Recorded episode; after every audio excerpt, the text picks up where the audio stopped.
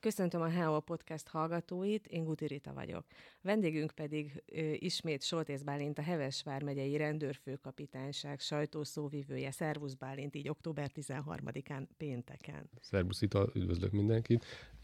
Most az jutott eszembe, hogy egy legutóbb az állatok világnapján, most a, a fekete macskák világnapján, vagy nem tudom, hogy hogy hívhatjuk, de nyilvánvalóan bízok benne, hogy mindenkinek egy szerencsés napja lesz ez a és egyébként is itt a beszélgetés előtt megbeszéltük Bálintal, hogy egyikünk sem babonás, hiszen mindkettőnknek van olyan gyereke, aki 13-án született. Igaz, legalábbis az enyém nem pénteken. A tiéd? Nem, nem, nem tudja apuka. De innen, innen, is, innen is boldog születésnapot kívánunk, ami egy hónap múlva lesz Emmának és Borinak. No, de hogy visszaevezzünk a témánkhoz, Bálint baleseteket hozott nekünk most. Ugye a közlekedők, főleg azok, akik az M3-as autópályát gyakran használják, az elmúlt hetekben tapasztalhatták, hogy gyakorta van torlódás, útfelújítás miatt. Több kilométeres kocsisor alakul ki, de az mögöttünk lévő héten más más miatt is nehéz volt közlekedni. Az egyik, az egy eléggé érdekes baleset volt. Mi történt? Igen, valóban, hogy az M3-as autópályán történt még 11-én, igen, csak nehogy rossz mondja, de valóban 11-én történt, még délelőtt. Ugye azon túl, hogy ugye aki közlekedik arra, meg ugye elég sok fórumon ugye meg lehet illetve, hogy különböző terelés és útlezárások vannak, ugye sáváthúzásokkal lehet közlekedni mindkét oldalon, ugye a útfelújítások miatt. Nem egy ilyen szakaszon, de annak közelében történt ez az említett baleset, amit sokan ugye tragédiaként apostrofáltak a, a különböző fórumokon. Történt ugyanis, hogy egy járműszerelvény, illetve egy utánfutós teherautó üveges több tízezer rekesz sört szállított, és hm. feltehetőleg nem volt megfelelően rögzítve a rakománya, és egy kormánymozdulatnál ez leborult az úttestre, több mint közel tízezer dobozos, illetve üveges sör borult le is tört. Azért lényeges, hogy üveges, mert úgy, úgy tudom, hogy ennek is szerepe volt abban, hogy mi történt utána kés, ott az autópályán. Így van, hát nyilvánvalóan ugye szétfolyt az üveges sörnek a tartalma, de egy mögötte haladó emiatt egyébként defektet is kapott emiatt. Szerencsére nem történt baleset, tehát nem ütköztek össze, illetve személysérülés sem történt emiatt. Tehát nyilvánvalóan több órán keresztül állt a az autópályának a forgalma, amikor a közútkezelő munkatársai fel tudták takarítani ezt. A... Ezt nevezhetjük ugye, hogy akkor ez a sörfogyasztók fekete napja volt az M3-ason. Így van, azt hiszem ez így egy jó ez is le. Ennél már sajnos szomorúbb a másik baleset, ami szintén az elmúlt héten történt. Igen, az is 11-én történt egyébként, de az már este fél nyolc után néhány perccel. Ez a hármas számú főúton a, a Ludosi körforgalomtól egy kicsit Eger felé, tehát a Detki elágazó közelében. Ott van egy mezőgazdasági út, ahol egy földúton keresztbe lehet menni, és itt ezt egy, egyébként egy fiatal fiú, 19 éves fiú, férfi vezette ezt a mezőgazdasági vontatót, illetve a hozzá kapcsolt tárcsát vagy boronát, és ahogy áthaladt az úttesten, ugye már nyilvánvalóan sötét volt egy arra közlekedő autó egy személyautó neki ütközött ennek a, ennek a vontatványnak, és sajnálatos módon ennek következtében, az ütközés következtében a, a jobb egyesülésen helyet foglaló 67 éves hölgy a helyszínen életét vesztette, aki egyébként a, a gépjárművezetőnek a felesége volt. Uh-huh. Olvastam több helyen, hogy esélyesen volt, mert olyan szerencsétlenül ütköztek ott a sötétben.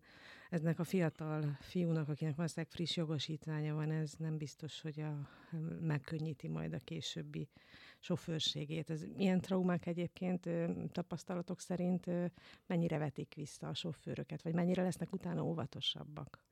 Mind a kettő véglettel találkoztak már munkatársaim, bár ugye jellemzően miután lezáródik egy, egy ilyen adott esetben ugye büntető eljárás, utána már nyilván nincsen ilyen jellegű nyomonkövetés, hogy később ő, ő milyen stílusban folytatja a közlekedés, hogyha uh-huh. folytatja de mint említettem, mind a kettő véglettel találkozni, tehát ugye aki abszolút uh, visszafogottan is e-, ezt nagyon sokáig magával víve közlekedik, illetve van olyan is, aki, aki ilyen nem törődömségből talán, hogy úgy, úgy sem történhet meg még egyszer, vagy, vagy nem uh-huh. tudom milyen meggondolásból is, és nem hagy olyan mély nyomot benne, vagy legalábbis a, uh-huh. a közúton tanúsított viselkedésében ez nem látszódik. Uh-huh.